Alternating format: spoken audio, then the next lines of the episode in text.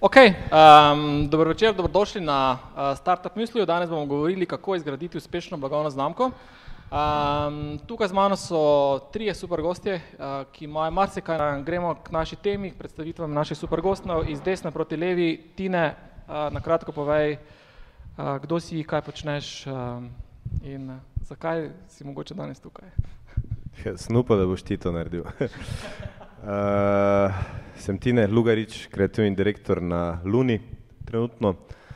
Uh, nekaj več kot 16 let agencijske kilometrine, uh, največje slovenske agencije Pristop Publicis Luna, ki je tudi del mednarodne svetovne mreže, tako da smo nekako dnevno vpeti v delo s, cel, s celotnim svetom uh, in uh, tukaj tudi se potem zadeve začenjajo biti, posta, postajajo zanimive, drugače pa delamo za največje regijske znamke od uh, Argete, Nisana, Laškega in tako dalje in tako dalje.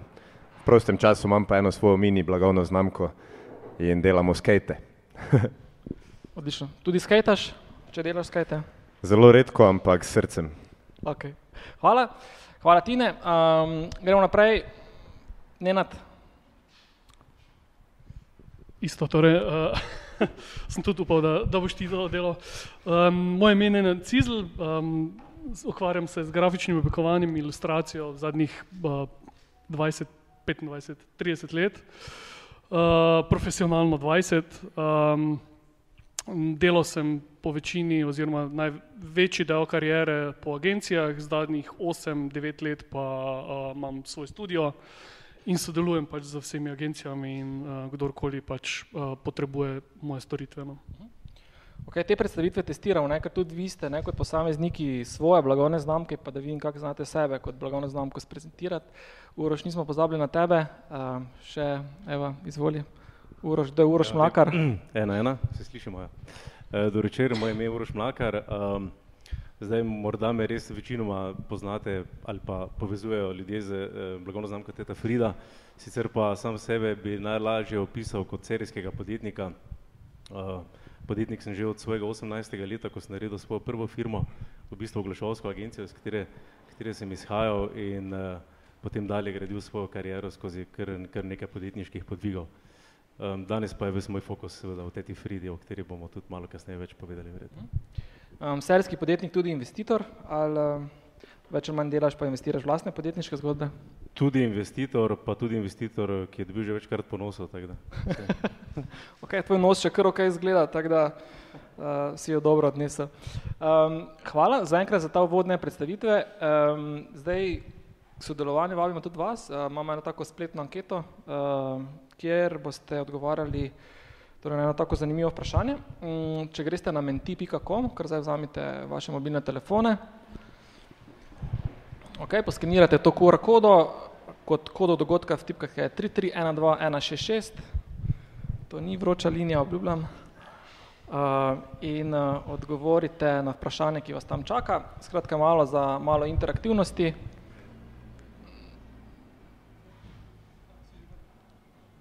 Ok, 3, 3, 1, 2, 1, 6, 6. Uh, skratka, želimo vedeti uh, odgovor na to vprašanje, torej, kaj te najbolj prepriča pri nakupu produkta določene blagovne znamke. Namreč o blagovnih znamkah bomo danes govorili, možno sta dva oziroma tri odgovori, tako da malo, da slišimo vaše mnenje, pa bomo kasneje tudi z našimi gosti pokomentirali. Ok, cool. e, gremo pa na prvo vprašanje, uh, kar za vse. Um, torej, pogosto slišimo trditve, da blagovna znamka ni logotip, da blagovna znamka ni naš produkt. Eh, kaj torej po vašem mnenju, skozi torej vašo strokovno izkušnjo, vedenje je brand, branding, blagovna znamka? Kaj se skriva za vsemi temi um, pojmi, ki se začnejo na B? Uh, Nenad, začnemo z leve proti desni, da te malo ogrejemo. Jaz, um, jaz zadnjih deset let pravzaprav o brendu um, zelo emocionalno uh, razlagam vsem uh, klientom in to je nekaj, kar, uh, kar uh, dela tisto znamko, uh, um, znamko, ki jo dela posebej, ki jo dela, mislim, ki jo zapletel sem se. Skratka, tisto um, branding je nekaj, kar, uh, kar je duša uh, neke znamke, kar je uh, neka uh, nekaj, kar diha uh, z, z, z podobo tistega, ki to prodaja. To je v mojih očeh uh, dober brand, ki, ki, ki uh, reprezenta načeloma uh, tega, ki to prodaja in uh, zdi se mi, da so dobri brendi tisti, ki, uh, ki, ki pač dihajo, uh, ki jih dihajo lastniki teh brendov. Ok, Uroš? Ja, zdaj, eh, ko jaz razmišljam o brendu, jaz pravzaprav vsakič, ko sem štartal nek svoj podjetniški eh, projekt, da tako rečem, eh, vedno se je začel z blagovno znamko. Eh, tudi če je bila samo ideja, sem vedno, vedno sem najprej definiral blagovno znamko, predno smo šli pravzaprav sploh se pogovarjati o tem, eh, na, na kak način bomo nekaj naredili in tako dalje. In, eh, Seveda to izhaja iz te moje neke obsedenosti in z dizajnom in z tem, kako neke stvari morajo izgledati. Um, ampak se mi zdi, da uh, če nima samo podjetje tega močnega uh, DNK že v blagovni znamki ne, in če iz tega ne izhaja, potem bo težko uspelo. Ne. Ker blagovna znamka je veliko več kot samo en logotip, ne, je seveda zelo pomembno. Ne ampak je, je pravzaprav vse, kar okoli tega izhaja, od, od same izku, izkušnje eh, ali pa začenši z izkušnjo do seveda tiste obljube, ki, ki jo damo eh, kupcu in če jo, če jo seveda sledimo in če jo dobi. Tako da se mi zdi, da ko govorimo o blagovni znamki, če pomislimo zgolj in samo na, na vizualno podobo, je to veliko premalo. Ne? Tako da, eh, če boste za svoje podjetje delali um, dober branding, potem potrebujete vse ta dva gospoda tukaj na levi in desni, dober dizajn pa dobro zgodbo. Uroš, to še me zanima, kje, kje pa um, si ti okužil s to obsedenostjo z blagovno znamko, torej da, da se vedno na začetku vprašaš in razmišljaš o brendu, ker to ni neka, nek običajen proces ali pa miselni proces. Ja, mogoče malo posledica moje karijere. Sam sem štartal na radiju, eh, potem tudi na televiziji in na televiziji kot eh, producent eh, sem zelo bil, um, je moj fokus bil na, na kon, v končni fazi tudi na izgledu. Televizijski produkt je zelo pomemben produkt, zelo pomembno je, kako neka televizijska oddaja izgleda, sestavljena iz številnih komponent, tako vsebinskih kot seveda vizualnih in verjetno, da, da je to bil en, ena dobra moja platforma, ki mi je pomagala pri, pri nekem, bom rekel, razvoju tega nekega občutka, seveda pa se s tem malo rodiš, ne. Zdaj, uh, tudi dizajner ne more biti vsak, ne. Ja ali se rodiš malo s tem ali pa ne. ne. Okay, super, hvala. Um, Tine, uh, branding, blagovna znamka, brand. Uh, ja, v bistvu vse, kar sta povedala že uh, kolega, ne, je pa tukaj eno ključno, ključno razumevanje, ki je zelo, zelo pomembno za preskok. Ne. Tudi sam sem ga sorazmerno pozno, bom rekel, recimo na polovici svoje kariere, recimo, uh, začel razumeti. In, in je zelo, zelo pomembno za to, da uh, razumeš, kaj vse moraš početi, da, da, da, da ustvarjaš neko kakovostno in uspešno blagovno znamko, ki utegne imeti profitabilno neko prihodnost. Ne?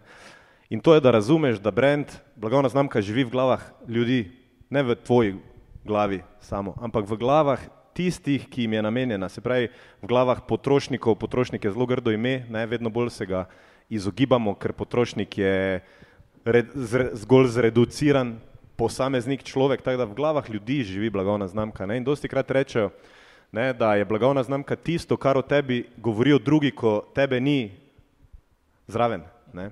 In to je zelo pomembno razumevanje. Ne? In kar pa je naloga tistih, ki brand ustvarjajo, ki skrbijo za njega, bodi si je to brand manager, bodi si je to lastnik, ne? tudi tisti, ki potem kot dizajner recimo oddela svoje delo, ne? Uh, ali je to embalaža, ali je to logotip, ali je to podoba, pa imajo za nalogo, ne, oziroma imamo za nalogo, da to ne, razmerje med tem, kak drugi vidijo blagovno znamko in kak mi želimo, da jo vidijo, uskladimo. Ker marsikdaj se zgodi, da je to v popolnem neskladju. Ne. Se pravi, mi smo en brand, mislimo, da smo najboljši telko brand za mlade. Mladi nas pa sploh tako ne vidijo, kar pomeni, da nismo najboljši brand za mlade. In mi moramo narediti nekaj, da bomo v njihovih glavah postali najboljši brand za mlade. In to je ključno pri razumevanju blagovnih znamk. Ne.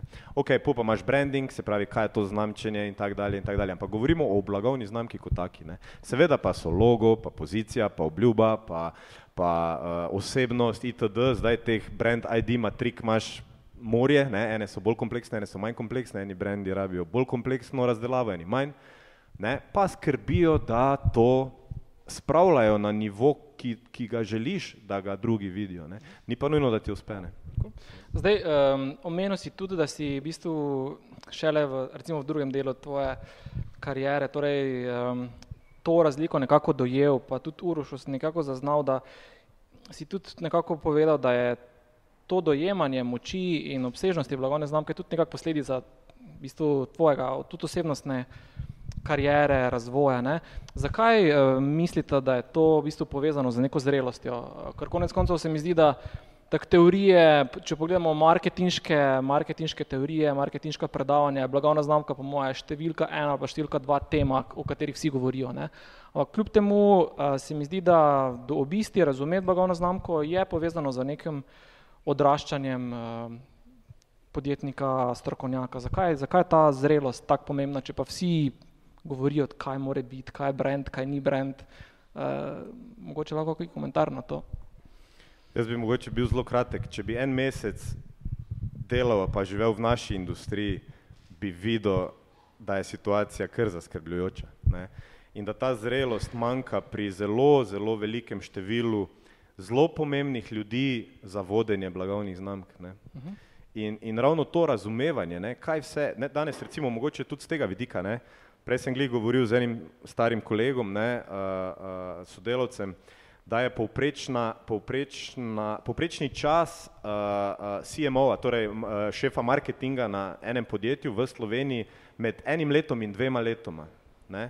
To je ekstremno kratka doba in v tej kratki dobi posamezniki običajno skrbijo za svoj ta delček karijere, ne za dolgoročno pot te blagovne znamke. Kar se zgodi, pride novi šef marketinga, razpiše pitch, rabimo novo platformo, rabimo novo zgodbo, rabimo novo pozicijo in tako dalje, ki je bila komaj dve leti živela. Ne? Kaj ima to za kontinuiteto in rastjo blagovne znamke? To je isto, kot da bi ti bil danes, eh, ne, če si sposodim uh, uh, besedilo Dan Draf, legendarnih reperjev iz Maribora, ne, danes punker, jutri skater, jutro novo bo prineslo. Ne? Skratka, dan si to, pol si to, pol si ono. Potrošniki so zmedeni, mislim, ljudje so zmedeni in, in, in če, če ti pravzaprav jim ne zagotavljaš neke varnosti, neke, neke logike, ki lahko sledijo, ko bodo v tvojem življenju vsi zaželeli tvojo blagovno znamko ali pa jo uporabljali, ne?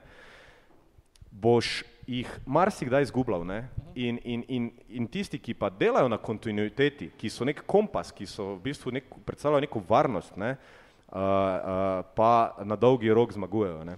In to je zelo, zelo pomembno. Danes pa so shortcuti, ne? se pravi, zelo, zelo kratke etape se delajo danes, ne? ampak na dolgi rok to ni tako profitabilno kot pa gradnja blagovne znamke na dolgi rok. Ne? Okay, ti si zagovoril v bistvu o nekih CMO-jih, skratka več nekih pozicijah, večjih podjetij, uroš, na drugi strani si pa ti kot podjetnik, ki dejansko živiš eh, od dneva ena, od cel dan, celo noč, svoje podjetje, svojo blagovno znamko in tu je verjetno tudi ta delček tega od mojega, od, torej vpraš, odgovora na moje vprašanje, skratka kontinuiteta.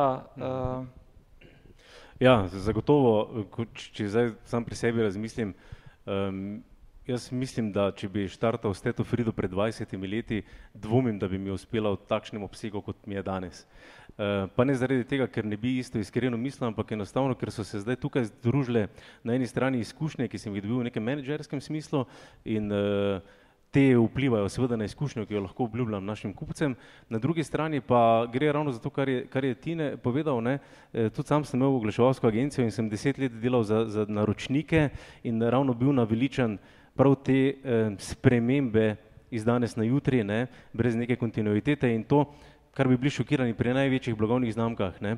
Uh, in tak, vedno sem si želel, bil sem mogoče na nek način celo malo frustriran, ker, ker sem vedel, da dobre zgodbe zaradi tega ugašajo, mogoče tudi zaradi ego posameznikov in uh, sem si vedno želel imeti svojo blagovno znamko, kjer bom pa lahko delal ravno nasprotno. Ne.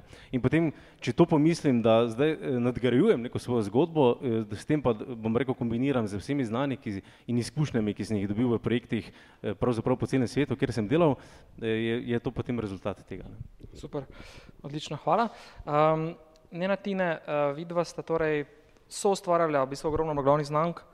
Kaj pa v vašem mnenju nekako uspešne blagovne znamke najbolj loči od tistih poprečnih, tak, če lahko to svojo misel strneta v par ključnih nekako razlikovalnih lastnosti, prednosti, pojmov, Uh, Ja, se, um, jaz sem se na začetku ravno zapletel v to, kar je Tina pol uh, tako lepo povedal, no, ampak um, to je točno to. No. Mislim, jaz mislim, da uspešne znamke so ravno tiste, ki, uh, ki kontinuirano um, sporočajo to, kar je njihova uh, želja, da bi pravzaprav kupci uh, spoznali od njih.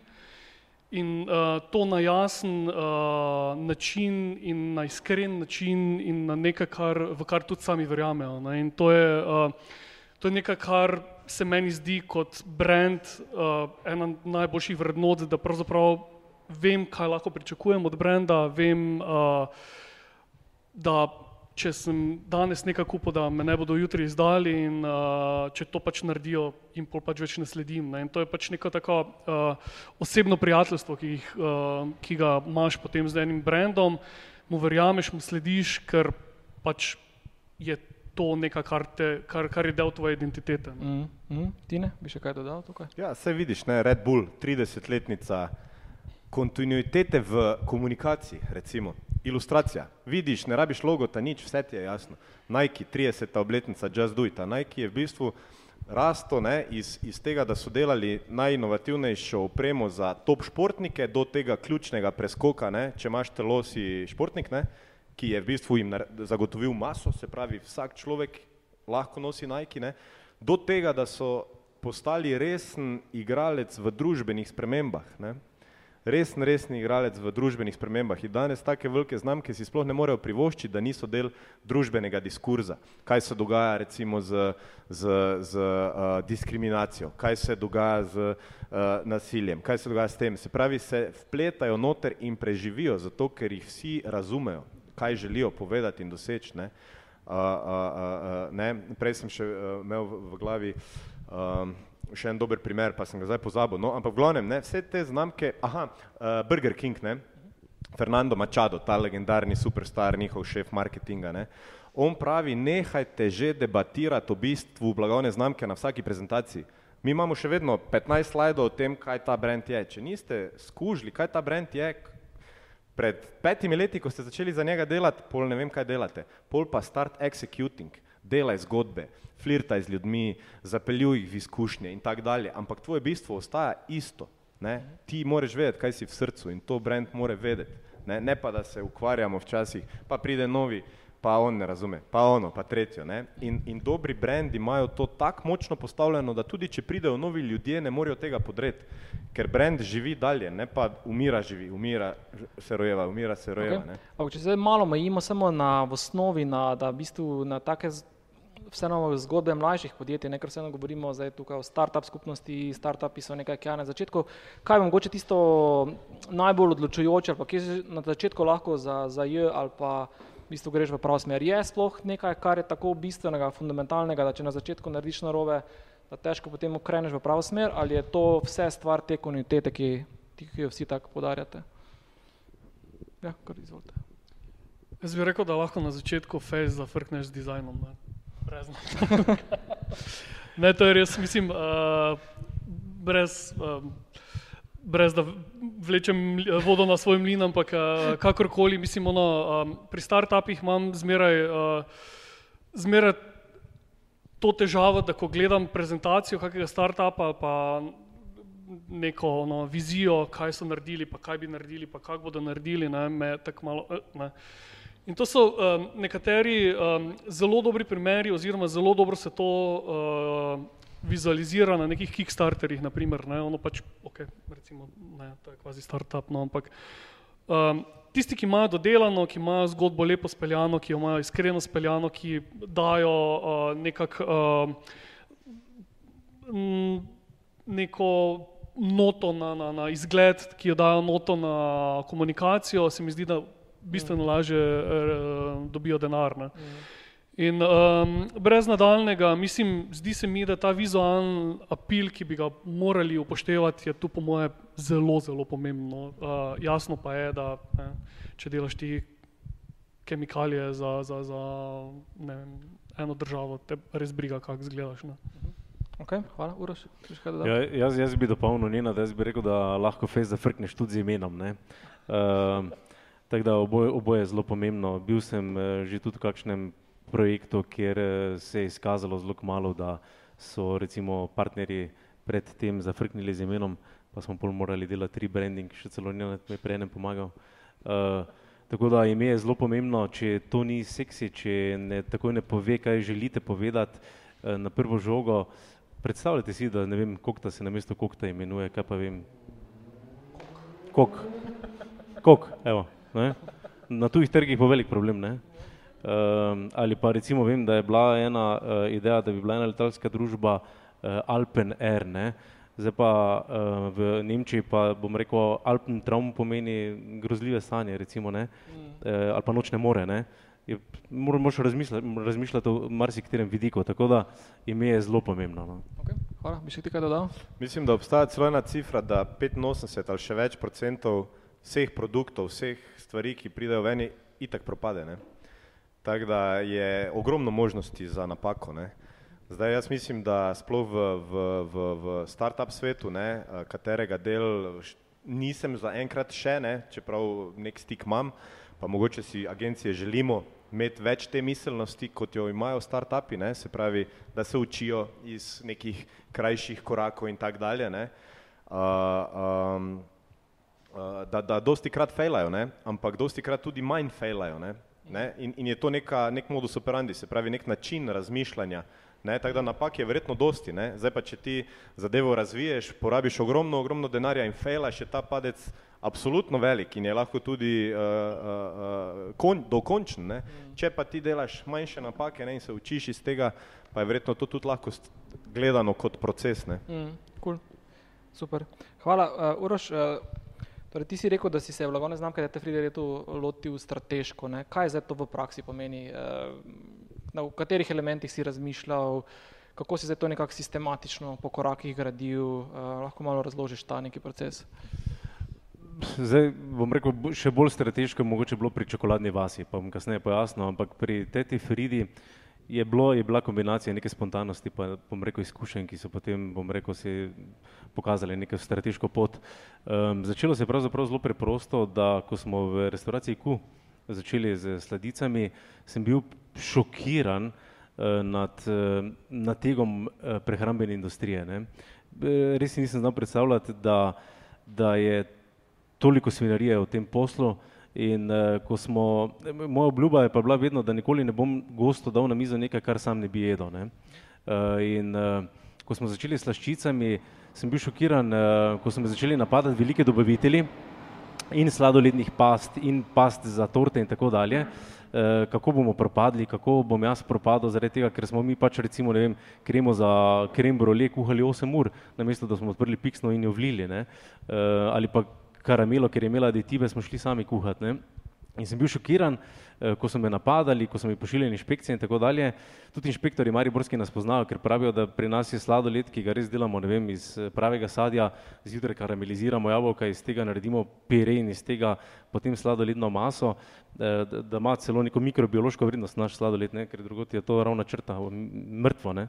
V glavnem in kaj ima to skupnega potem z blagovno znamko? Ne? Razmišljal sem več čas, kako dati vsemu temu, kar mi počnemo drugače, naravno, stoprocentno naravno, ime, da bodo ljudje hitro to spoznali, hitro povezali na eni strani z domačnostjo in na drugi strani z tem, da pa želimo, da to zdaj ni ravno, ne vem, navadna šaumrola ali, ali pa štrudl, ne? da so to vseeno malo bolj neke, bom rekel, fine, eh, fine sledice. Ne? In Potem sem se seveda hitro spomnil na, na mojo teto iz otroštva, ne, ki je živela na koncu naše ulice, in rekel, to bo teta Frida, ne, to je ona, ne, ki se vozi z motorjem, ki, ki skače s padalom, pa to je to. Ne. In vsem je bila ideja zelo všeč in evo, se je rodilo. Tako da. Teta Frida se še enkrat rodila. Eh, kaj pa potem, eh, rekel, omenil si eh, pri čokoladni vasi? Ja, tam, tam pa smo že imeli malo izkušnje, smo že imeli, rekel, smo že vedeli, kaj delamo. Pravzaprav čokoladna vas je nastala kot ena nora ideja, kako nadgraditi to izkušnjo Tete Fride. Po spletu nekih naključij smo se znašli ob Dravi in tam zraven potem zemlišče, ki, katerega lasnik je bil prijatelj in je rekel, da je uroš kupi to, lepo te prosim, sem rekel, pa kaj nas s tistim zemljiščem, res ne vem, ljudje imajo piknike gor, če jim ga bom vzel stran, bodo jezni name, ne, pa daj, pa prosim, pa kupi, pa, pa, pa sem res razmišljal, pa sem rekel, pa to je bilo noro, da imamo glamping, kjer bi se vse vrtelo okoli čokolade, zraven čokoladne manufakture, kjer diši po čokoladi, se, vedno bolj mi je postala ideja všeč. In uh, potem sem, uh, tam smo investirali v to, ta glamping, trije prijatelji, in, uh, ki nas povezuje še neke druge zgodbe. In ko si vam povedal to zgodbo, sta tudi to na vas se zapalila in smo šli v akcijo. In seveda, cela, cela zgodba mi je bila zelo pomembna, da je, da je seksi, ne, da je da, da je bila ta izkušnja gostov, na katero so tudi danes navdušeni, da, jim, da, da bo dobra, ne? da pridejo, da doživijo nekaj, kar sicer ne doživijo, ne vem, da se tušira s čokoladnim milom, da se eh, ne vem, da grejo na čokoladno masažo, da jih čaka, vem, čokoladni kondom, da jih čaka čokoladno pivo, čokoladni džin. Vsi detajli so mi bili pomembni, da je račun nekak s čokolado povezan. Ne? Skratka, vse, vse se vrti okoli čokolade in vedel sem, da ok, zgodba zdaj štima, zdaj pa kako jo spraviti v svet. Ne? Zdaj mi tam prodajamo nočitve ob Dravi za 200 evrov plus, ne? smo pravzaprav najdražja nočitev v Mariboru.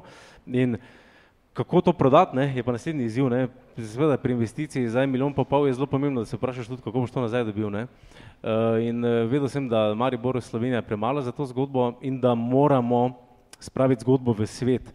In uh, pol smo lani naredili en video, lahko ga najdete na, na YouTubu, uh, da iščemo največjega čokoholika na svetu. Ne? Mislim, da we are looking for the biggest chocoholic in the world, sam nekaj, nekaj, nekaj takšnega.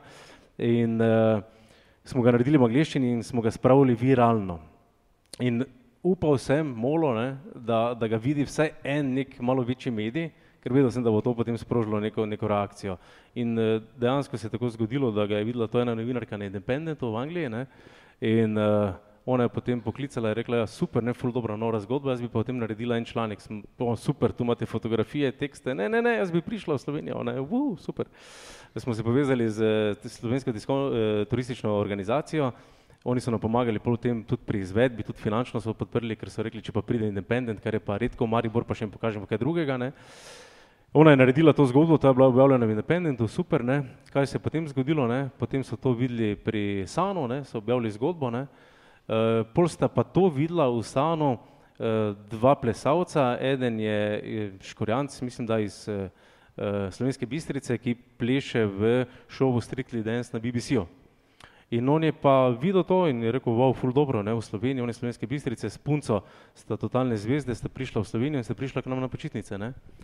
In to je bilo lani za Božič, mi še niti nismo bili zares odprti in smo jih sprejeli, ona pa nista se nič posebej najavljala naprej. Imate e, pa vsak skoraj mislim, da po milijon followerjev, ne. In ko sta bila pri nas, ona dva začela malo postati, ne, kak je noro, kak je super. In mi gledamo, zakaj družabna omrežja brbotajo in vidimo, da sta ono dva zvezde. Kaj ono sta dva zvezde, ne?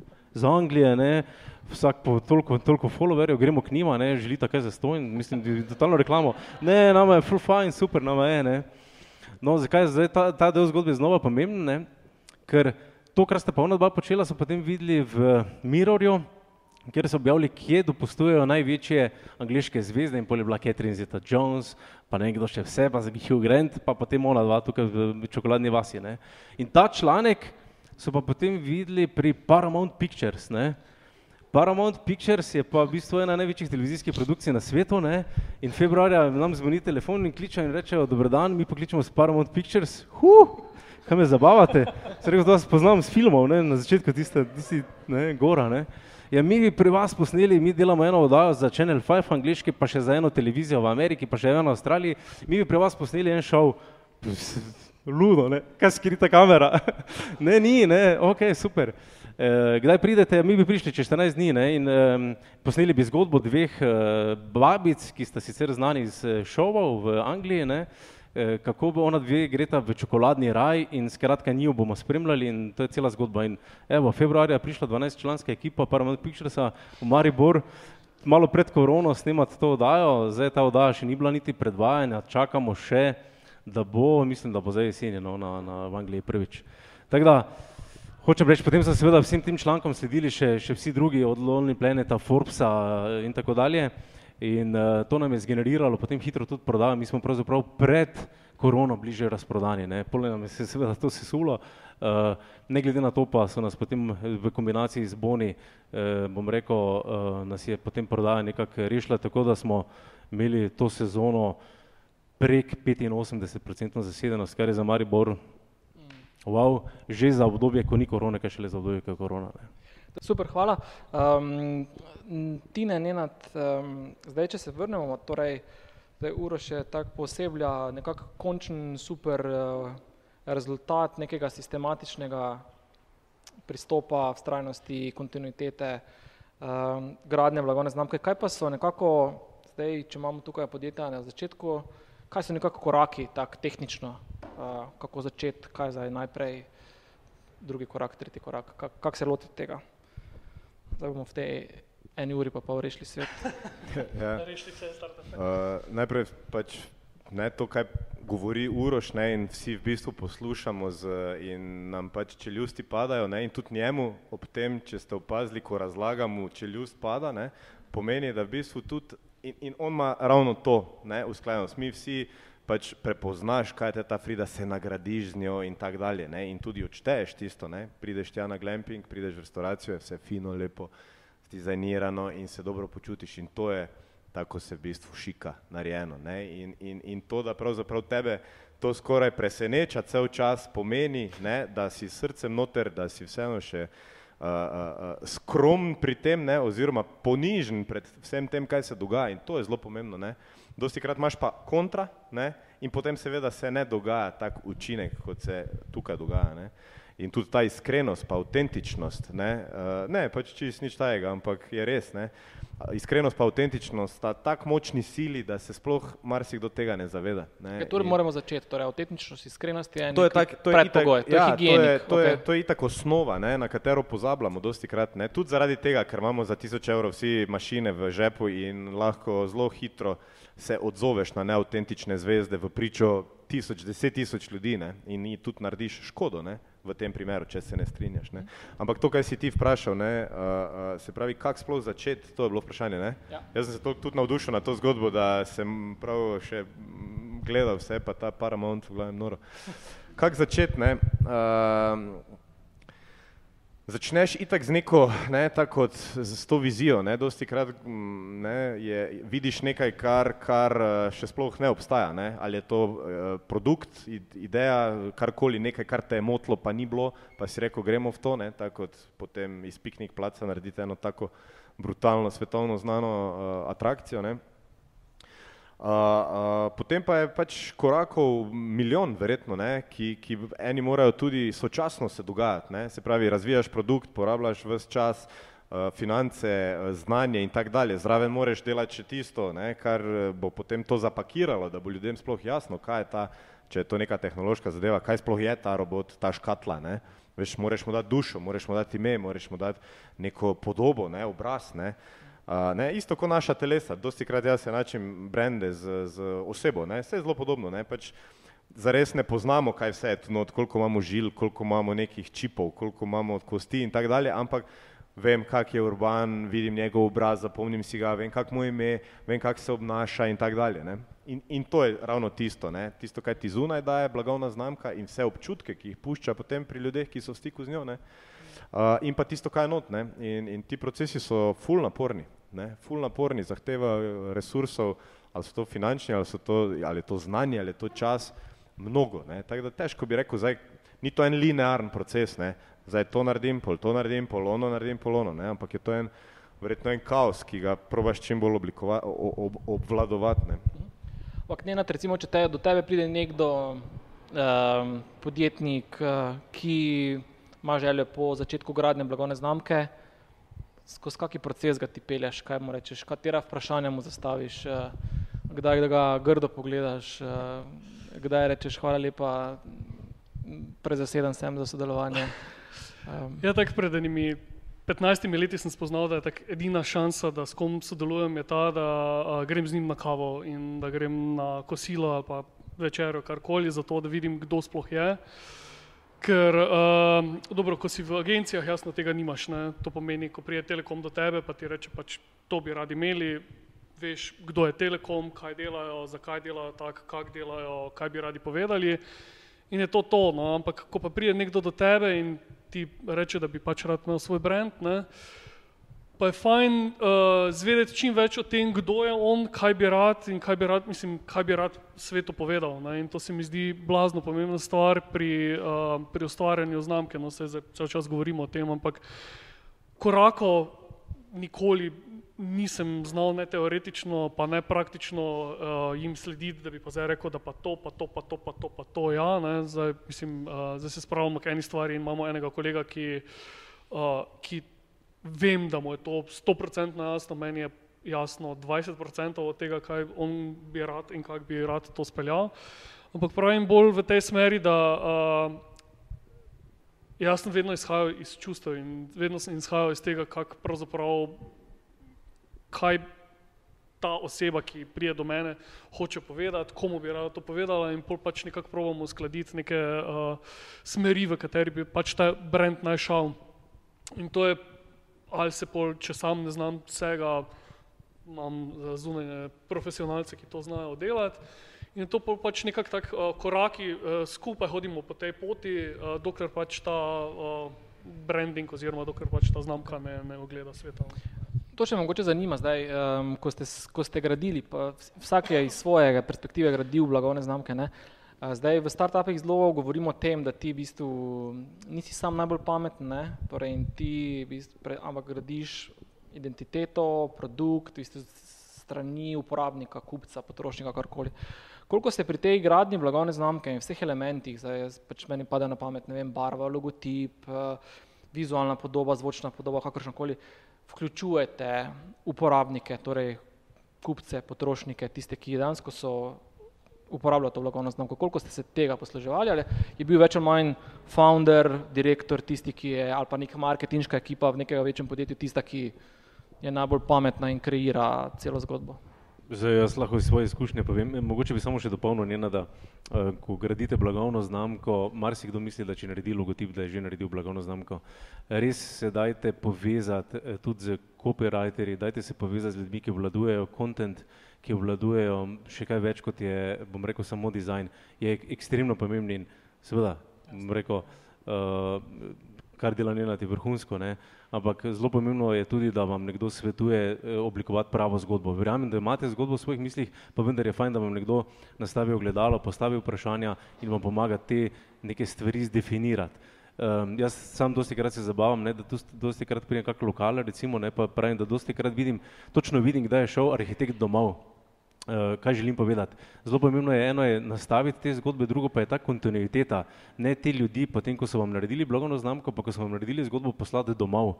To je največja napaka. Točno se vidi to, recimo ravno po tem primeru, ne, ko, ko rečem, da se vidi, kdaj je šel arhitekt domov, naredil lep lokal, se, se pa točno vidi, kdaj je stvari v svoje vajeti prevzel lastnik, ko je začel, pa potem še kako rožico da zraven, pa potem pride noter, ne vem, šest promotorjev, pa mu da še šest plakatov noter, ne, pa potem se mize po svoje začne postavljati in na koncu zelo hitro iz nekega lepega lokala nastane obična, obični kafič, ne. Eh, ki več ne obljublja tiste lepe izkušnje in verjetno se tudi potem arhitekt za glavo drži. Ne? Ali pa nekdo, ki ima lepo hišo, potem pa začne žena, potem še malo po svoje preurejati z rožicami, pa z onim, pa s tretjim, pa z levim, pa desnim. Ne? In jaz pravim, točno se vidi, kdaj arhitekt gre domov. Ne? Če bi arhitekt ostal v hiši, se tega ne bi zgodilo. Ne? Zdaj, pri meni je ta sreča, da jaz sem pač design freak in te stvari so pri nas recimo zelo natančno definirane. Ne? Tudi mi smo danes franšizni sistem in naši naši franšizojemalci ne morejo stvari spremenjati, oni ne morejo nekaj, kar po svoje malo postaviti niti na mizo ali pa spremeniti, ker je pač pri nas to en franšizni book, ki ima 300 strani in eh, bom rekel z natančnimi navodili in z natančnimi kontrolami skrbimo za to, da temu sledi. Ne. Eh, sicer mi verjemite, da bi vsaka Frida izgledala zelo drugače in zelo podobna temu, kar sem prej rekel. Ne. Kako pa je bilo vprašanje? Um, to v bistvu, um, um, kakšni so koraki, pa v bistvu Ja, uh, ja. Da te še jaz rešim urbana. Ne? Da, sem se še uh, sam zgodil v mestu. To, kar pravite, je, je ful pomembno. Ne? Mogoče, če se samo navežem na Nenada, ne? pogovor. To je tako pomembna faza, da si ne moreš predstavljati. Ne? Dosti krat tudi ljudje, ki imajo produkt, ki imajo svojo zgodbo in te uh, kot strokovnjaka povabijo k sodelovanju, imajo to v glavi, ampak ne znajo ti povedati, ne, ne znati dati briefa. Zato je zelo pomemben tvoj pravzaprav zunani pogled, kjer skozi neka vprašanja, skozi debato, ki jih niti on ne pričakuje, mogoče ti prideš v njegovo bistvo ne? in ti razumeš stvari, hkrati na poti preverjaš določene smeri, ki ali, ga, ali se mu zasvetijo oči ali ne. ne. Jaz sem glih zadnjič smo delali eno skupno zadevo z, z Nenadom, človeka še nisem videl živo, nikoli. Uh, uh, slišala smo se po telefonu, Nenad mi je nekaj o, uh, o njem povedal in potem smo skozi eno urni pogovor pravzaprav prišla do imena blagovne znamke, s tem, da on niti ni vedel, da smo prišla. In pol smo rekli, deset dni, čez deset dni bomo ti da, jaz bi mu ga lahko isti čas povedal, ne? Ampak smo rekli, deset dni bomo rabili, malo mož tudi, ne, seveda, to je proces, ne. In potem mu ga damo, ne, zraven daš še dva, tri, ne, kao nabor, ne, da on še bolj ven štrli, ne, dobro, to so take malo mogoče taktike, ne. Ampak jaz bi upal... Te taktike bodo drago plačali. Ja, ha? ja ampak upa, upa, upal, sem, upal bi staviti, kaj bo izbral. Zato, ker ga je sam on nevede povedal. Ne? In, in, in to absolutno, absolutno dela. Ne. To, kar pa Uroš pravi, ne, franšizni sistem ne more on svoje rožice dati, ne, je pa v bistvu a, a, a, a, pomembnost iste izkušnje blagovne znamke skozi vsako točko stika. To je okay. pa absolutno zelo, zelo pomembno. Ne, okay. ne more biti uh, komunikacija taka, pa izkušnja na okencu taka, če si banka zarovalnica. Mm. Ful pomembno. Do, do tega ste se malo vrnili. Zdaj sem se spomnil, um, da ne bom pozabil Uroš, kaj je bilo v osnovi tudi vprašanje, torej so ustvarjene blagovne znamke skupaj z uporabniki. Ne? Ali pri ne vem, logotipu Tete Fride ali pa izgledu, barvah, čokoladne vasi so potencijalni čokolado friki sodelovali ali si ti svojo vizijo, izkušnjami bil tisti, ki si rekel, to je kul, cool, to ni kul, cool, tako bomo naredili. Torej, še vedno si jemljem to pravico, da na koncu vedno sam odločim. E, tako pri dizajnu vsakega produkta in pa predvsem tudi pri sami vsebini. Ne. E, to se mi pozna, ne, ne glede na to, da pridno treniram, ne, vsak dan tudi pridno probavam. Ne. E, zdaj, v zadnjem času, v zadnjem letu smo naredili ob Dravi tudi čokoladni center in tam smo nadgradili izkušnjo z čokoladnimi delavnicami, e, ki so na voljo dvakrat na teden, mimo grede, sreda in sobota. Uh, in sreča je, da ljudje prihajajo, so, bom rekel, navdušeni na teh delavnicah in seveda, zdaj, če imamo tam vsak teden pač nekaj deset ljudi, jih seveda tudi vprašamo, kako so jim neke stvari všeč in nam zelo pomaga. Ne? Uh, ravno te neke nove stvari, ki testiramo za retail, jih zdaj veselo tam, bom rekel, uh, preizkušamo pri ljudeh in, in nas zanima ta feedback. Okay. Super. Uh, mimo grede, zdaj mi smo kar zaklepetali. Uh, ima kdo kakšno vprašanje mogoče na tem mestu? Torej, kdo so strokovnjaki za kontent, za neke elemente zgodbe? Ja. Ja, moj odgovor najhitrejši bi bil ena oglaševalska agencija, ki ima te servise v svoji hiši. Um, sicer pa, če, če boste njena da vprašali, bo hitro našel kolega Tineta, ne? pa recimo ta dva sta že prava dva. Jaz, če bi zdaj bil na prvo žogo tukaj v Mariboru, oba sta Mariborčana poznata vsebino, sta zagotovo prva, na katera bi, bi pomislil, če bi se šel, eno zgodbo pa ne bi imel, pa ne bi imel nekega globjega znanja. Pa ne da delam reklamo za njo, Tineta sem danes poznal, ampak poznam njegovo delo že odprej pa mislim, da sta dober tandem, tako da recimo ta dva, taka dva strokovnjaka, ta dva profila vam lahko obljubita, da boste naredili eno neko dobro zgodbo, pa eno, eno prebojno zgodbo no? in dobili odgovore na vprašanja, ki jih niti sami ne poznate. Ne? Hvala, Uroš, za procenti se pol zmenimo. Ne? Ampak ja, dobro vprašanje, ne? ful dosti krat, na koga se ne obrnem, ne? ogromno ljudi, se spozna, pa so social media menedžeri, pa potem gledaš te vsebine, pa si čakaj malo osnovnih zakonitosti, ne poznajo, ne znajo slovnice, ne znajo vejce postaviti in tako dalje. Ne. Se pravi, nekak ta blagovna znamka ali, ali ni hodila v šolo, ne zna slovensko. Ne. Uh, tako da tukaj je, tukaj je zelo dvorezen meč, ne. eni se zatečejo k uh, nekomu, ki je morda malo cenejši, ne, ampak tudi potem se to pozna. Ne. Uh, včasih pa mogoče je tudi lahko vrhunska storitev uh, razumno, uh, bom rekel, cenjena, ne, pa ti naredi velik, velik efekt. Ne. Seveda vse boljše stvari, ki ti pa seveda dajo neko varnost, dajo neko kakovost, imajo malenko zvišjo ceno kot pa tiste, ki ne, ne. Je pa včasih tudi tista nekakovost zelo visoko cenjena pri posameznikih. Ne. Ja, moja izkušnja je, da dosti krat sem doživel, da ljudje, ki znajo uporabljati Photoshop, mislijo že, da so dizajnerji. Ne? In tega je ogromno. Tako da najprej vas naj zanimajo pač reference tistega, ki, s katerim se pogovarjate, kaj je naredil do zdaj v življenju, pa potem bom rekel, to, to govori samo za sebe. Lahko pa pol uh, poveš točno, kaj počneš, recimo, pa, pa ti tudi pomagamo najti uh, rešitev. Ne? Zdaj, če lahko to mi pomagamo, ali pa zagotovo pa koga poznamo, ali pa da te samo usmerimo ne? z veseljem. Ne?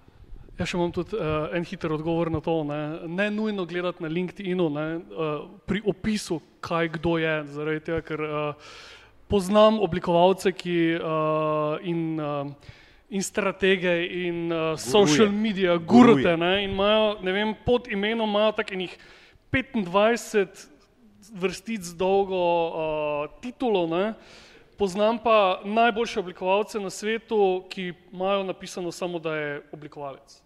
Ne? In je to, mislim, ta portfolio je blazno pomembno in to. Skro, skromnost dosti krat prije skozi uh, kakovost. Ne, kak, kak, uh, več bolj se učiš, več znaš, manj, maš, več imaš feelinga, da manj znaš, ne, se ti odpirajo ene stvari. Jaz sem se zadnjič želih pogovarjal z kolegom Janezom Rakuščkom, ne, izvršnim kreativnim direktorjem na Luni.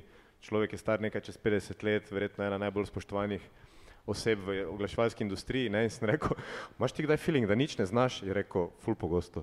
Ne, ful, ne, se tako gleda. Ali pa so vključene v ta neki nakupni proces, nakupno izkušnjo. Okay? Mojstri. Mislim, uh, že to, da, da, da, da, da znate razumeti, da imate tri zelo, zelo različne ciljne skupine, je že zelo velik uspeh. Mar si kdo reče, pa vsi nas zanimajo, vsi so naša ciljna skupina. Ne? To je isto kot noben. Ne. Vi pa imate točno definirano, učitelji, ravnatelji, kjer bo verjetno vaš pristop bolj ena na ena, bolj nek ta B2B, mogoče razumevanje. Ne. Čeprav tudi B2B, uh, uh, rečemo temu, uh, industrija ne, se, se zelo, zelo potrebuje B2C taktike. Ne. Ljudje se pač rabimo flirtanje, rabimo, da nam je všeč in tako dalje. Ne. Ni zgolj ono gola brošura pa, pa čavne. Ni, vsi smo ljudje, vsi imamo radi dobre zgodbe, vsi imamo radi, da nekomu zaupamo ne, in tako dalje. Ne. Pol imate tukaj starše, ne, ki si želijo za svoje otroke najboljše, ne, se pravi, imajo zelo, zelo uh, uh, definirane spet želje, pa so si med seboj tudi različni. Pa imate otroke, ki pa jih more tudi to pritegniti. Ne. Otroci, odvisno koliko so stari, zdaj ne vem, so zelo pogosto odločevalci. Jaz to hočem, dajmo to. Ne. Tudi pri avtomobilih so, uh, je mladina postaja odločevalka ne? ali pa recimo pri izbiri teleoperaterja. Uh, bo rekel najstnik, dajmo to vzeti, dajmo to vzeti, ker to on bolj razume kot starši. Ne? Tako da je, je, uh, so taktike, ampak seveda je pa potrebno to imeti spet pod eno kompaktno blagovno znamko, ne, ki se zgolj drugače pogovarja z drugimi. Ne. Sej tudi, recimo spet, da vržem na, na, na posameznika kot takšnega. Ne. Ko vi greste na sestanek, se pogovarjate na ta način, ne. z otrokom pa rečeš, ne, a ti je všeč, ne, ne, ne, ne. staršem, o, dober dan. Ne. Se pravi, jaz spreminjam ton, ampak jaz sem isti. Ne zares ista oseba. Ne? Uh, uh, in to je, to je zelo pomembno. Ne? Zelo dobro vprašanje, zelo kompleksno, lahko kako rečemo tudi na to temo. No? Mogoče uraš tvoja izkušnja, ker teta Frida konec konca tudi nagovarja od ne, uh, štiriletnika, ki se zaljubi v mango tango sladoled, do starša, ki to kupi, do ne vem, mladega para, ki gre potem v čokoladno vas. Torej, kako ja. kak, kak to, torej te različne ciljne skupine Ja, najtežje je reči, da delaš produkt za vse. Ne? Um, tudi mi smo si v nekem trenutku morali priznati, kdo so naše ciljne skupine ne? in težko je delati za vse. Ne? Mi enostavno nismo blagovna znamka za um, nekoga, ki mu je vseeno koliko plača, ne? oziroma ki ima edino, pomen, edino merilo denar, tako bom rekel. No? Um, in uh, tudi skozi raziskave potem smo še bolj natančno definirali, kaj so naše ciljne skupine, kdo so odločevalci in temu zdaj bom rekel zelo prilagajamo našo oglaševalsko taktiko. Ne. In tudi nove produkte, ki jih razvijamo, seveda tem, imamo to več čas v mislih. Okay. Tako da razumevanje ciljnih skupin je seveda ključno. Ne. Super je, da, da, da razumete. Ste kdaj tudi razmišljali, da delate neko ločeno blagovno znamko za te uh, ali pa pod blagovno znamko uh, za, za te neke druge ciljne skupine, ki jih je očitno več, ali zakaj ste, kaj je bila potem racijo, da ste ostali pri eni blagovni znamki? Nismo ostali, ravno zdaj intenzivno razvijamo Fit Frido, ne, ki bo ravno nagovarjala ljudi, ki želijo m, mm, imeti se sladkati z večjo količino proteinov, ne, pri čemer me znova, vedno znova šokira, ko vzamem kakšno proteinsko ploščico v roke, ne pa ko pogledaš gor, kaj vse tam noter, adijo pamet, ne. E, mislim, ni da ni, ne. E, in e, predvsem brutalno velika količina sladkorja, ne. Uh, tako da mi želimo, pa če zdaj to razvijamo, zdaj bom, bomo videli, do kje bomo priplezali, ker je kar kompleksno, uh, ampak uh, ravno to narediti, ne, da je 100% naravno, da so naravne sestavine, da damo veliko količino proteinov, pa kljub temu, da uh, je nizka količina sladkorja. Mhm. Mhm. Ok, cool. Še kako vprašanje? Še kako malo teže vprašanje za naše goste? uh, ok, ne na tem taki uh, en taki scenarij, ki verjetno ni tako čisto redek, ne, pride do tebe podjetnik, podjetnica in naroči logotip, ker to je pač vse, kar potrebuje. Um, kaj, kak je dialog, kakšni so nasveti, um, kako obrazložiš, da mogoče logotip ni točno to ali pa edino, kar potrebuje nekdo, ko ima v mislih podobo svojega produkta, storitve. Zdaj, um, odvisno je jasno, v kateri fazi je že podjetje. Zdaj, če je to startup in je uh, startup danes, ne?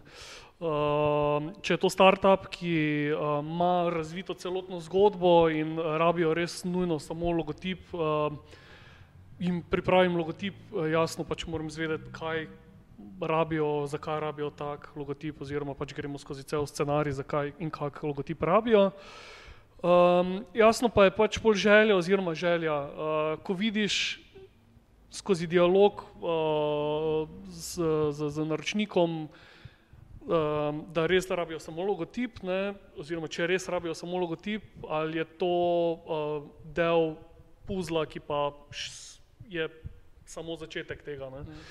In uh, ponavadi se izkaže, da, da, da um, da je redko samo logotip tisti, ki, um, ki, ki rešuje celotno zgodbo. Je pa se pa je že jasno zgodilo to, no, tako da sem tudi od logotipa delal in uh, je bila zgodba tudi samo pač potem pika na i in je to bilo dovoljno. Mhm. Okay. Tako da odvisno od faze. Um, mogoče še to zdaj, um, uh, ne na tine, v bistvu v tujini nekaj običajnega, da oglaš marketinška agencija, za ne vem, uh, kak je točno ta, ali pa kreativne agencije, tudi lasniško vstopajo v startupe, torej da pač ne investirajo denarja, ampak investirajo pač svoj know-how, uh, komunikacijski, promocijski. Je to nekaj, kar bi tudi vidva razmislila, če bi začutila, da gre za neko večjo zgodbo in pač startup kot na začetku v bistvu ne bi investiral 20 ur v podobo pa v zgodbo, ampak bi rajši imel vaju v, v lasniški strukturi. Lahko skočim. Pardon, uh, ravno smo se pogovarjali uh, par dni nazaj no, na temo tega scenarija ne, in je kolega rekel ne, o tistem, katerem sem govoril, da mu je 100% vse jasno ne, v mojih očeh. Je rekel, um, zakaj bi mi investirali ne, naše znanje in v, v to, da pač podjetje gre v nek rizik, če bo ali ne bo šlo skozi. Ne. In je dejansko ful dosti um, resnega, oziroma uh, dejansko je resna stvar to. Uh, jaz sicer uh, zagovarjam to, da pa uh, se skakaj stvari, da gamblat, pa, pa id v to zgodbo, pa verjet v to, tudi uh, zdelo se mi je zmeraj, da, uh, da ti naročnik bolj verjame, ne, ker staviš tudi svoje znanje, staviš svoj effort za to, da bi nekaj naredil. Uh, Ampak sem šel v dva projekta, tak in dva sta se izjalovila, oziroma izjalovila, pač pol smo bili, bili ono, ja, um, zmenili smo se, da boste posneli reklamo, pa je niste, zato zdaj pač nijate tega profita, ali pa ne, niste dali tiskati na ta papir, pa niste naredili tega, pa zaradi tega, ker ste hoteli optimizirati to, ne. Skratka, na koncu um, bi bilo boljše, da je se na začetku zmenil za neko fiksno ceno in je to to, ne, mhm. tako da uh, Je mm. tako, lahko pa profitiraš, ne? lahko pa imaš okay. pač tisti 10% pa 20% v firmi, pa okay. si zmagal. Ne? Tine, kako je tvoje razmišljanje? Jaz še nisem imel te izkušnje, čeprav sem uh, uh, dobil že nekaj takih ponudb. Ne? Uh, se pravi, uh, delno plačilo, delno nek delež ne? uh, in ravno tukaj, ne? se pravi, zdaj nobeno od teh zgodb zares nisem toliko čutil, da bi rekel, pismo, to pa bi se znalo ne, zgoditi kaj iz tega. Ne. Uh, uh, ne, tako da, mm, tako kot je rekel Nenad, ne, vkolikor imaš ti potem kontrolo nad vsemi koraki, ki se izvajajo in so potrebni za to, da blagovna znamka živi svoje življenje takšno, kot mora in da, bo, in da ima potem zaradi tega tudi profitabilnejšo prihodnost, ne, tako kot je rekel Uroš, ne, pač vse točke morajo biti tako, kot smo si zamislili, ker samo tako lahko funkcionira. Pol je druga pesem, ker pa ti tega nimaš, je pa spet druga pesem. Tako da dosti krat recimo je to izgovor, ne, ker želijo od enega strokovnjaka pač dobiti delo, znanje in tako dalje, uh, brezplačneje ne, ali pa brezplačno v zameno za delež. Ne. Tako da vprašanje, če so tudi te, nam, te namere dosti krat iskrene ali je mm. samo neka fora. Ne. Ja. Tako da zaenkrat, če nisem dobil take recimo priložnosti ponudbe, da bi resno razmislil o tem, ampak se je vedno zdelo, kot da ne, uh, je to pač nek. Uh, Ampak, če bi zdaj prišel en, ne vem, uh, full over, uh, bom rekel, roko spretnež, ki zna narediti full over uh, skate, pa bi rekel, gledaj, znam noro dober skate narediti ali pa ne vem, karbonski skate, ki bo najboljši na svetu, znam narediti, nimam pa pojma o tem, kako to skomunicirati. Uh, Ja, če bi prišel nekdo s karbonskim skateom, bi jaz rekel takoj ne, ne ker te enostavno skateboarding industrija ne bo sprejela z karbonskim skateom, ker že živi na, javorsk, na, na kanadskem javorju vso svoje življenje in je najbolj crispy in je najboljši in noben skater ne bo stopil, pravi skater ne bo stopil na karbonski skate, niti na onega koleti iz onega filma. Ne. Okay. Dobro, ampak dobro, karbonski skate je bila uh, figura. Že, že, ja, ja, ja. Ampak takih je dosti forne. Ampak to je ful, do, ful, ful dober primer za bil, ne? kako pomembno je, da razumeš eh, na koncu produkt. Mm. To je to, Zdaj, če ti, ti si sam skater ne? in je tako dal en dober, dobro repliko, ne? en mm. lahko pride za idejo, recimo in mene kot podjetnika, investitorja navduši. Ne? Eh, in jaz sem se ravno to tudi naučil v življenju, ne? nikoli več ne vlagam v stvari, ki jih sam ne razumem, mm. ki me ne drivajo, katerih ne čutim strasti in veselja. Ne? In, um, to, to je to, ne? če on čuti strast in veselje in ti točno poveš, kakega materiala, to mora biti, bom, bom, bom, bom, bo to uspešna zgodba. Mm. Tu, če bo naredil potem, ne vem, iz, iz kanadskega, kaj se reko, Aure. Ja. Sicer um, naredili so karbonske skate, ki grejo na, na, na baterije, pa ne vem, kaj vse in so eni jasno uspeli. In, ne, brez nadaljnega, uh, te zgodbe so zanimive, če te potegnejo, ne? pod pogojem, da te potegnejo zraven. Če verjameš, ne, če verjameš, itek. Uh, če ne pa ne, nekdo ne, ne ve sam, kaj bi sabo. Ne, pa Lahko pa narediš napako ne, ja. in potem gledaš uspešno zgodbo, katere del ja, nisi. Ja, Sej, tak je to je gamble, ne? nekdo od mm. vas je omenil gamble. Ne. No, pardon. Pravkar sem doživljal uh, pred parimi dnevi uh, emocionalen uh, breakdown, ne? delam na enem projektu, engine razvijamo že dve leti skoraj. Ne? In smo na začetku napisali, prva ponudba je 10% delež v podjetju. Ne? In jaz ne vem, kako se je to zgodilo. Jaz sem tudi, ne? Exactly, ne? Nisem vedel, če te lahko zavem zraven. No, skratka, uh, s Tinetom sva 10% lastnika bila na prvi ponudbi. Ne? Jaz ne vem, kje se je teh 10% zgubilo, ne? še zdaj ne, ampak še vedno verjamem, da so nekje skriti. Skratka, tip, ki dela ta džin, um, je rekel, da bi rad prodal v petih letih milijon džinov. Ne. Zdaj, ne vem, če že spoveš, ne, pa mu je A1, ne, uh, neka, nek connection iz A1 obljubo, da bodo kupili še letos milijon džinov. Tako da mogoče smo bogata. Skratka, uh, hočem to povedati. Tako da mislim, gre uh, lahko, jasno, da je ta ne rizik, ampak jasno, da je ta uh, uh, apil tega, ne, da si dal neke večje zgodbe, ne, uh, super fajn, ne, ker naprimer uh, sploh uh, podjetja, ki, ki skelajo preko interneta neke svoje projekte in svoje, uh, svoje produkte, so pač nam slovencem nepredstavljive. Mm. Je pa je A1, vsi so v karanteni, trije okuženi in v karanteni se ful pije. Tako da, evo ti ga na, evo ti ga na. Zdaj še samo karbonske skajte morajo naročiti, pa smo zlagali. Um, okay, um, da se še vrnemo k eni zelo bistveni stvari, ki je tudi vezana zelo na branding in sicer v bistvu brief, na podlagi katerega potem strokovnjaki naredite, razvijete zgodbo o blagovno znamko in bla bla bla. Mm, kaj je za vaju ali pa za vas, vse tri, uh, dober brief, kaj mora vsebovati uh, in kaj ne sme vsebovati? Ja, najhuje je, ko dobiš brief po templateu ne? in to je uh, ponavadi kakšna mestna občina ali pa kdorkoli iz nekega javnega urada, ne? pol imaš tako no, na 38 straneh, vidiš, da je samo prekucano, aha, čaka malo, ona občina bi rabila ta emblem, mi ga rabimo tudi, ok, samo moramo spremeniti. Skratka, 38 strani dolg brief je za K brief v mojih očeh. Uh, jasno pa, uh, to je ta kava, ki, o kateri govorim cel čas, oziroma kosilo. Uh, jaz mislim, da se daleč največ naučiš na, o projektu, ko se s kom slišiš, ko se s kom pogovarjaš, ko narediš eno krajšo delavnico in je to nekaj, kar, uh, kar lahko ti potegneš iz njega. Ne? Ker če ti nekdo daje brief uh, o stvari, ki bi jo rad imel, pogosto uh, pozabi dodati neke emocionalne stvari, ki pa uh, fulce racionalno ponavadi nekako uh, pišejo ti briefi. Ne? In pogledaš ta suhoparen brief ne? in pol ga pokličeš, pa vidiš, da fuk, ne, ono cool je, ne, ali pa idiot je, ne, zdaj pač odvisno kak ne. In uh, to se mi zdi, da je ful pomembna stvar, ne, da je ta brief, uh, da ga ti imaš šanso slišati od tistega, ki bi to rad imel. Mhm. Okay. To je meni osebno. Najboljši brief je kavica. Ja. Ja, jaz se absolutno strinjam. Jaz, jaz mislim, da v velikih agencijah, pa med velikimi naročniki, brez briefov ne gre, ne.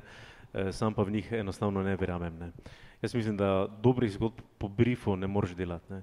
Jaz sem zdaj naredil še celo stopnjo dalje, ne, zdaj z vsemi kreativci, s katerimi delamo, ne, jih povabimo najprej v našo čokoladno vas, prej nas prespijo, nas začutijo, se družimo, po potrebi tudi napijemo, ne, enostavno zato, da vidimo, ali, ali govorimo isti jezik, ali čutimo isto stvar. Če tega ne čutimo, če nekdo ne začuti znamke, če ne začuti mene, ne moramo delati. Ne? In to je tisti najboljši možni brief potem. Ne? Uh -huh. okay. Template za brief. Mislim, vse to, kar sta rekla, drži kot pribito. Ne? Jaz sem videl, po moje, na tisoče briefov, takšnih in drugačnih, od čačke na enem postitu do 38 še več stranskih briefov. Ne? In dejansko ne, vedno več se poslužujem uh, uh, pogovora po briefu. Brief sploh ne gledam, kot dosti krat ne, pride brief v hišo, to pa to moramo narediti, to pa to moramo narediti, čakaj malo, ne, dvigneš telefon, dober dan, kdaj se lahko dobimo, če ne, debata, uro. Ne, in se spoznavaš in se pogovarjaš in tako dalje, da ti pravzaprav prideš do tega, kaj njega zares tišči. Ne. On mogoče ni znal, moraš razumeti, da on mogoče ne zna povedati ali pa pove to, kaj misli, da bi moral, čeprav ni to zares tisti išil. Tako da je zelo, zelo pomemben tudi ta tvoj effort, ne, pa ne v bistvu ne, uh, dosti tudi sodimo, ja, kaki debilen brief, la, la, la, ok, lahko zdaj se gremo tak, pa je debilen brief, pa je debilna oseba, ki je napisala, pa tak, ne, ali pa ji pomagamo. On, vsak rabi pomoč, tisti, ki te je briefiral, ki je prosil za tvojo pomoč, rabi pomoč, ne. In, in zato je pravzaprav mu jo ti kot strokovnjak moraš na nek način proba dati, ne, s tem, da, da ga vprašaš, lahko ga vprašaš skozi x vprašanja, do tega pa pravzaprav govoriš v bistvu, ne. Tako da pogovor, ne, ali je to kosilo, kavica ali pa je samo telefon, je zlata vreden, je, je game changer, ne, in, in je v bistvu procese, ping-ponganje s tem uh, zmanjšuješ, ne? če ne se pa ping-pongamo včasih do onemoglosti ne? in na koncu nobena stran ni zadovoljna. Ne? Kreativ, kreativci oziroma agencija je frustrirana, ne? oni ne štekajo, oni isto, vi ne štekate ne? in zdaj kaj smo naredili? Tukaj smo pa zato, da nekaj naredimo. Ne? Mm, mm. Okay, cool. Samo ne štekamo vse. Ne, ne štekamo vse, ne. Okay, um, mogoče še to vprašanje. Ne? Uh, pogosto tudi vidimo, um, ali pa slišimo, da se z brandom ne ukvarjajo toliko na začetku, ne? ampak da je to nekaj, kar pride enkrat, ne? da najprej je produkt glavni, ne? potem šele prije blagovna znamka. Um, je to, kakšni so replike ali pa argumenti, ne? se danes smo že dosti o tem govorili, ampak sicer, ne, zdaj nimam časa se z brandom ukvarjati, pač na freelancer.com naročiš neki logotip, uh, ime si hitro razmisliš, preveriš domeno, pičmiki. Um, ti je kasneje žal, um, vi zagovarjate seveda drugo mnenje, pa kakšni so taki kakšni primeri, mogoče, ko je bil taki scenarij lahko usoden ali pa se je slabo izšel? Jaz mislim, da tisti, ki uh, mu uspe na freelancer, kaj si rekel, freelancer pa Fiverr, karkoli pa če uh, naročiti logotip pa brand, uh, svojega podjetja, ima veliko težav. Mislim pa ne zato, ker, ker, ker, ker ne verjamem, da bi kaj kvalitetnega lahko prišel tam, ampak zdi se mi ravno to, mislim, to je tako, kot da bi si kupil dušo v trgovini, v mojih očeh. To pomeni, da, da greš v trgovino, vzameš na slepo nekaj ven, oziroma online si jo kupiš in si jo daš v sebe in zdaj pač si ti nekdo in je to, ne vem, mislim, ta osebni stik, ta, uh, to, kar cel čas govorimo, je po moje najpomembnejša stvar tega, kar komuniciraš. In če nisi sposoben, da si vzameš pri celotnem delu en teden, dva tedna časa za to, da uh, poveš tisto, kar te muči že zadnjih pet let ne, in daš na to skozi neko uh, normalno formo, uh, vizualno vseeno, kar govorim, ne, in vsebinsko jasno, ne, pol nisi nič naredil, poškoda časa. No. Mislim, tak, zdi se mi, da, da je to uh, lepa priložnost sicer dobiti poceni logotip, sporedno pa uh, zapravljena šansa. No. Uh -huh. okay. uh, čas je stekal, tako da dajte s kakšnim vprašanjem, sicer uh, pa vam za večno žal. Um, še eno. Uh... Mogoče moj nasvet, zdaj malo sem razmišljal, kar je, kar je Nina povedala, seveda, absolutno vse drži. Jaz bi mogoče rekel, na, na, moj nasvet bi bil, obnašajte se in razmišljajte kot veliki. Um, predstavljajte si, ali pa se vprašajte, če delate za ne vem, športni copat, ali bi Adidas preko tega freelance.com ali kakorkoli uh, naročil nek logotip. Ne bi, ne. Tudi, tudi Adidas bi verjetno šel v neko zgodbo, ga zelo zanima, kdo bo dal dušo, dušo njegovemu izdelku in tako dalje. Tako da, zelo pomembno je, kdo ti, kdo ti piše DNK. Mhm, okay. Ja, um, ne, eh, en, en, znan, en znan, zelo, zelo znan oblikovalec um, je Paul Rand, ki je v New Yorku živel v 60-ih, 70-ih, ne vem točno kdaj je to, od kdaj do kdaj, ampak v 70-ih je ustvarjal logotip za American Airlines, se mi zdi, no, in je dobil samo za to, da je naredil znak, milijon dolarjev. Uh, tako da stane toliko, ne? Če si American ne. Airlines. Ne? No, se je rekel, odo, ne, tista, ja. Štud, ja, tista študentka, ko pa je naredila Nike logo, pa je dobila 38 dolarjev. Tako da od 38. Samo koliko, 10 ali 100 tisoč evrov? Kaj? Nike, -ja. pol še zraven. Aha, za nagrado. Ja, 100 tisoč evrov Nike, tako da je dobro. Ampak hočem povedati to, ne, da uh, na tem freelancu, boljše v mojih očeh, da ti tukaj študent dela en mesec za 700 evrov, logotip pa branding, pa se trudi, pa ti pomaga, pa vidiš, pa gre ta skozi neko pot, kot pa da kupiš nek instant logotip, to je ena stvar, koliko pa stane, stane pa toliko, koliko si pripravljen koliko, je, um, koliko si pripravljen in koliko verjameš v svojo znamko. To pomeni to, kar je Uroš rekel. Ne? Če uh, misliš, da bo tvoja znamka vredna čez 10-15 let, oziroma tvoja firma uh, 5000 evrov, boš dal za logotip 50 evrov. Če pa je vredna uh, 5, 5 milijonov, 10 milijonov, pa boš dal nekaj več. Ne? Ja, mogoče boljše retorično vprašanje, ne? koliko stane avto? Ja avto lahko kupiš danes za 9000 evrov, lahko ga pa kupiš tudi za, za milijon. Ne? Mm. Uh, pa ne, to še, to, to morate ona dva povedati. Ja. Uh, ampak še enkrat ne pozabite, ne? tudi ko kupite avto, potrebujete še vzdrževanje. Je pa res, da hočejo dosti krat naročniki Bentleya, pa ima 1000 evrov. Ne? ne gre pa v salon Bentleya za 1000 evrov. Je, mislim, gledaj, vse stvar je tudi uh, stvar skala, ali ti rabiš zdaj uh, celotno zasnovo, od logotipa do pozicije, do, do nekega slogana, do zgodbe, mogoče do strategije, seveda to raste. Če pa je to samo en logotip, pa itak je, so ceniki oblikovalcev in tako dalje ne? in tu nekje se to vrti, ne? zdaj to bo Nenad lahko bolj zdaj, povedal, koliko je konkretno logo, za, konkretno za logotip, jaz sem delal logotip že za 500 evrov. Ne? uh, ampak je bilo 7000 aplikacij še drugih, tako da smo pač ne, skozi to uh, sem dobil, ampak govorim, uh, generalno je uh, podoba uh, z nekim takim uh, osnovno prezenco na trgu od 7-8 tisoč evrov do, do, do 15, ta, tako osnov. Govorim o tem, da imaš spletno stran, neko podobo, nekaj, nekaj, nekaj. No, ampak to je zelo, zelo tako uh, blesovo, uh, blesov odgovor z moje strani, ker uh, če rabiš ti v gostilni, oziroma če si sit samo od tega, ker boš Coca-Cola spil, ali pa če boš celo večerjo pojedel, je to druga zgodba. Ne? Ampak ja, ne, včasih pa tudi. Ne, uh, Tudi jaz sem naredil logo, pa jaz nisem oblikovalec, pa včasih malo, mislim, malo znam. No. Uh, Imaš Photoshop? Uh, sem, sem tudi, Znam Photoshop uporabljati. sem, sem tudi naredil že logo za 500 evrov človeku, ki je toliko srčen in toliko je vse stavil v svoj biznis in sem zdaj tako vesel, da mu gre. In je rekel, jaz razumem, da moram investirati, ampak res ni on nič. Sem Rekel, 500 evrov imam, sem rekel, naredim ti za 500 evrov. Ne? In, in zdaj lepo se uh, ukvarja ne, z, z, z svojo storitvijo in lepo raste in je ponosen in hvaležen. In on je zdaj videl, da je on dobil skoraj zastojen logo. Ne? Ampak takrat je bila druga, ne, uh, druga. Ampak jaz sem videl, da bo in sem mu tudi, tudi na nek način pomagal s tem. Ne. Mislim, da je zato je tak face pomembna ta kava. Ne. Mislim, jaz vedno, mislim, eno par predavanj sem imel in sem rekel, ne, tak, uh, bili so dijaki in študenti, ne, in sem rekel, pač ta kava je ful pomembna, da vidiš, če računaš idiotu plus 30%, ali pa nekemu, ki je normalen minus 30%. Ne.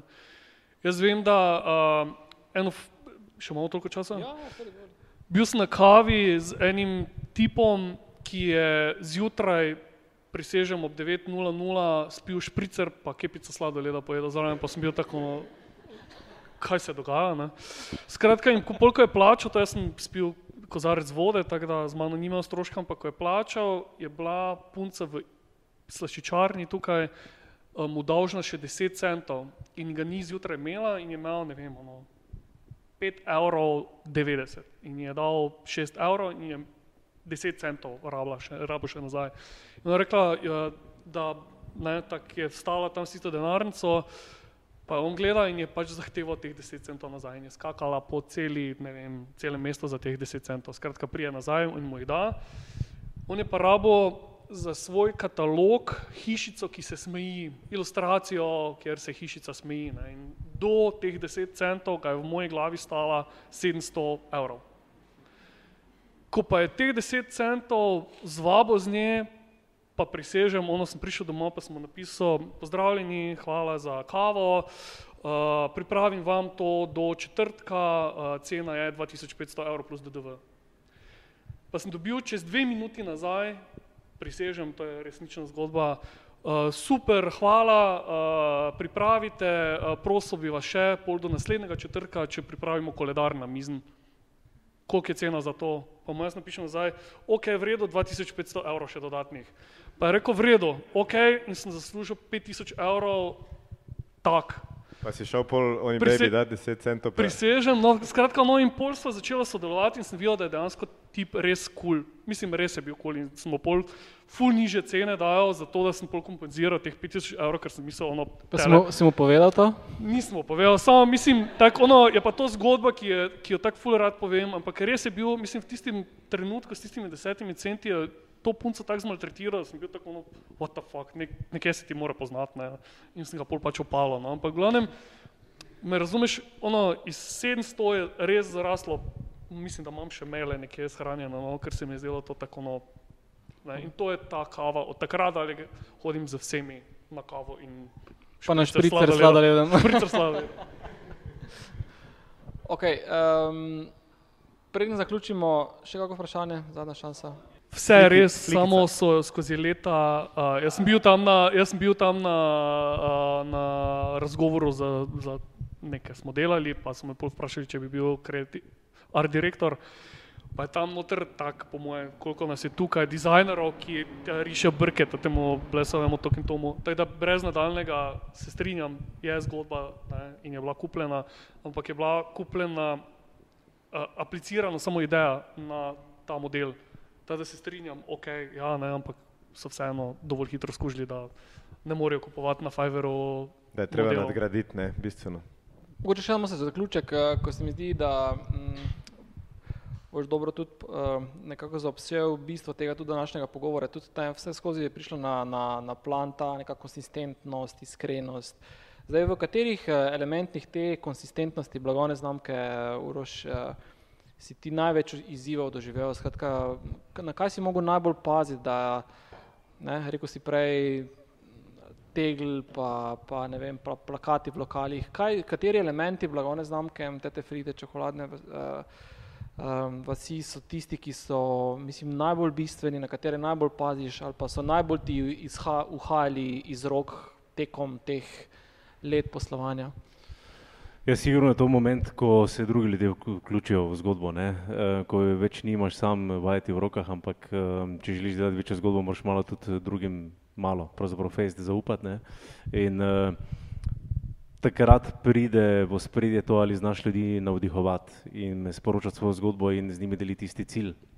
Sam vse čas pazim, kaj komuniciramo, kako komuniciramo. Ne? Mi recimo imamo tudi svoj projekt v Afriki, pa sem pri tej komunikaciji zelo previden, kako ga komuniciramo, ne? da slučajno ne bi kdo nam eh, očit, mislim celo sem že nekje očital, da, da se imam za dobrodelne, že nimam se, ne.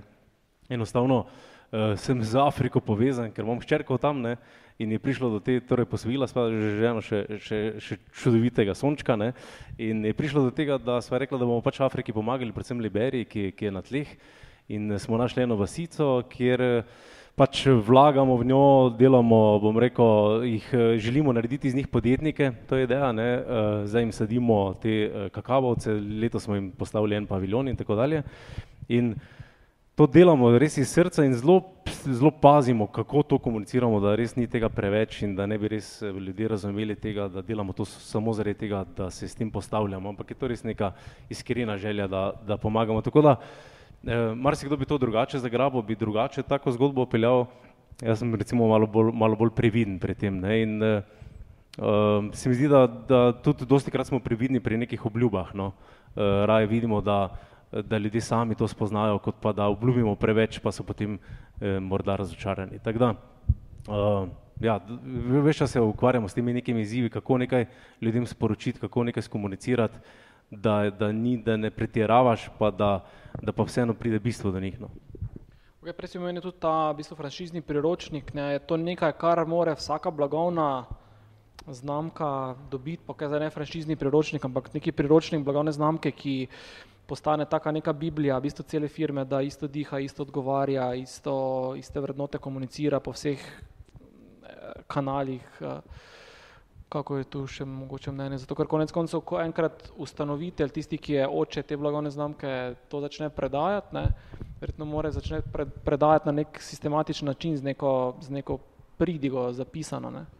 Ja, temu se reče branding manual, no, mislim v, v koliko, jaz vem, še, še kaj kot brand book. Brand book, branding manual, ki pa je uh, v resnih firmah zapisan uh, na nekaj strani, uh, 300 strani dolgih uh, zapisih, ampak kakorkoli, no je pa uh, ena stvar se zgodila in to je internet ne, in brand, ti brand booki so precej začeli izgubljati uh, pomen in uh, neko uh, težo zaradi tega, ker enostavno uh, podjetja danes komunicira toliko diverzificirano, da, da, da, da rabijo za vse kanale, ne vem, različne neka, neka, neka interakcije, ampak najjasno pa je imeti pomembno komunicirati isto cel čas, ne, kar pa brand book jasno spostavlja in je to uh, tisti, ki se tega zavedajo, ga imajo, tisti, ki pa komunicirajo tako, da pa na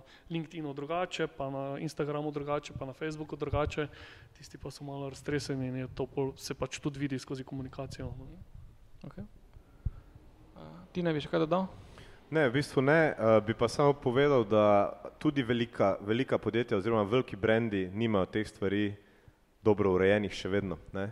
ali pa jih ne spoštujejo, ne upoštevajo, čeprav obstajajo. Ne?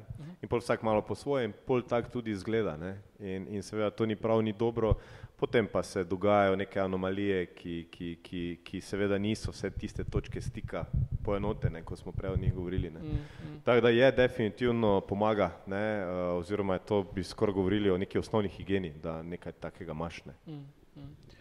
Mogoče samo tako za eno številko za na konec. Koliko let uh, približno rabi blagovna znamka, da postane v očeh potrošnika, uporabnika, da se zasidra v naših dušah, glavah? kjerkoli se pač more zasidrati. Uh, pardon, ker zdaj kar tako skačem. Mis, jaz mislim, da, da, da je danes z internetom to lahko zelo rapidno. Uh, Uber smo spoznali pred tremi, štirimi leti, petimi, šestimi, ne vem koliko, no pa je zdaj že tudi v težavah, ampak uh, smo ga naenkrat vsi po celem svetu spoznali. Ne? Tako da um, jaz mislim, da je to odvisno od uh, skala, katerega keša, ki gre v ta brand. Mm. Tako da to je po moje ena stvar, ki je, ki je najpomembnejša. Ne? Denar, ki ga vložijo v marketing ne? in to mm. je nekaj, kar. Uh, kar Premo so razmerno. Ja, ne? Mogoče boljše vprašanje, kako hitro pozabimo neko blagovno znamko. Ne? Uh mhm. -huh. Ker danes, bom rekel, v poplavi, mislim, svet se hitro spreminja ne? in vedno hitreje se vrti, sploh zaradi novih tehnologij. Ne? In uh, ravno ta konstanta v komunikaciji, to je to, kar sem prej rekel, ne? ko si boste kupili avto, ne pozabite na servis. Ne? Uh, ko rečem, kupite, ko si boste kupili blagovno znamko, ne pozabite na, na vse te mojstre, da vas konstantno servisirajo, ne? ker svet se hitro spreminja in če temu ne slediš, uh, si pozabljen hitro. Ne? In, ne vem, če boste danes mlade vprašali, kaj je Nokia, se ne bodo znali povedati. Ne? Mi smo, mislim, za nas pa je mogoče marsikoga od nas še pa je Nokia, vseeno, mm. neka znamka, ki je bilo škoda. Mm, mm, res je, super. Super, skratka, ko kupujete avto, ne pozabite na servis. Uh, zaključna misel, konsistentnost, iskrenost, pristnost uh, so ključne stvari. Super, zanimiva debata. Hvala vsem. Uh, en velik aplaus, uh, prosim za goste.